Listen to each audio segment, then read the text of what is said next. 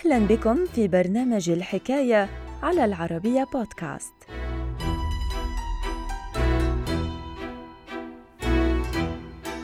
خلال الحرب العالمية الثانية وبسبب الأعمال الوحشية اكتسب الجنود السوفييت سمعة سيئة سبقتهم أينما حلوا. ففي مطلع شهر مايو سنة 1945 أقدم المئات من أهالي مدينة دمين الألمانية على وضع حد لحياتهم تزامنا مع اقتراب القوات السوفيتية مفضلين الموت على الإهانة والاغتصاب. تفاصيل الحكاية في مقال للكاتب طه عبد الناصر رمضان بعنوان أكبر عملية اغتصاب جماعي عرفها التاريخ. الحكاية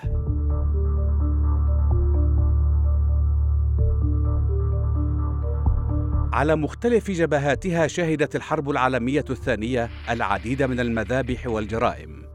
ولعل من أبشعها تلك التي ارتكبها الجنود اليابانيون على الأراضي القابعة تحت سيطرتهم. كذلك لم تختلف الجرائم السوفيتية كثيرا عن جرائم اليابانيين.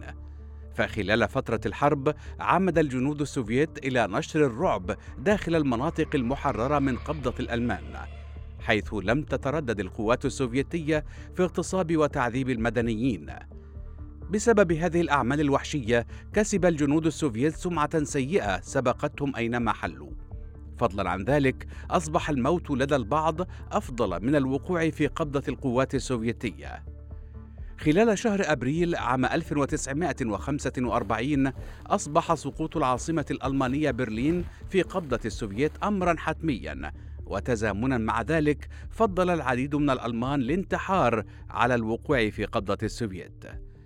مطلع مايو عام 1945 شهدت مدينة ديمن الألمانية حادثة مأساوية حيث لم يتردد المئات من أهالي هذه المدينة في وضع حد لحياتهم تزامنا مع اقتراب القوات السوفيتية. خلال تلك الفترة وقبيل انسحابها من المنطقة ارتكبت القوات الألمانية خطأ فادحا تسبب في كارثة بشرية. فبحسب ما نقله موقع تايملان عمد الجنود الألمان إلى تخريب جميع الجسور حول مدينة ديمن بهدف إعاقة تقدم القوات السوفيتية. في غضون ذلك كان وقع هذا القرار كارثيا على اهالي المدينة حيث وجد ما لا يقل عن خمسة عشر ألف مدني أنفسهم عالقين وغير قادرين على الهرب من التقدم السوفيتي. ومع اقتراب القوات السوفيتية فضلت مدينة ديمن رفع العلم الأبيض.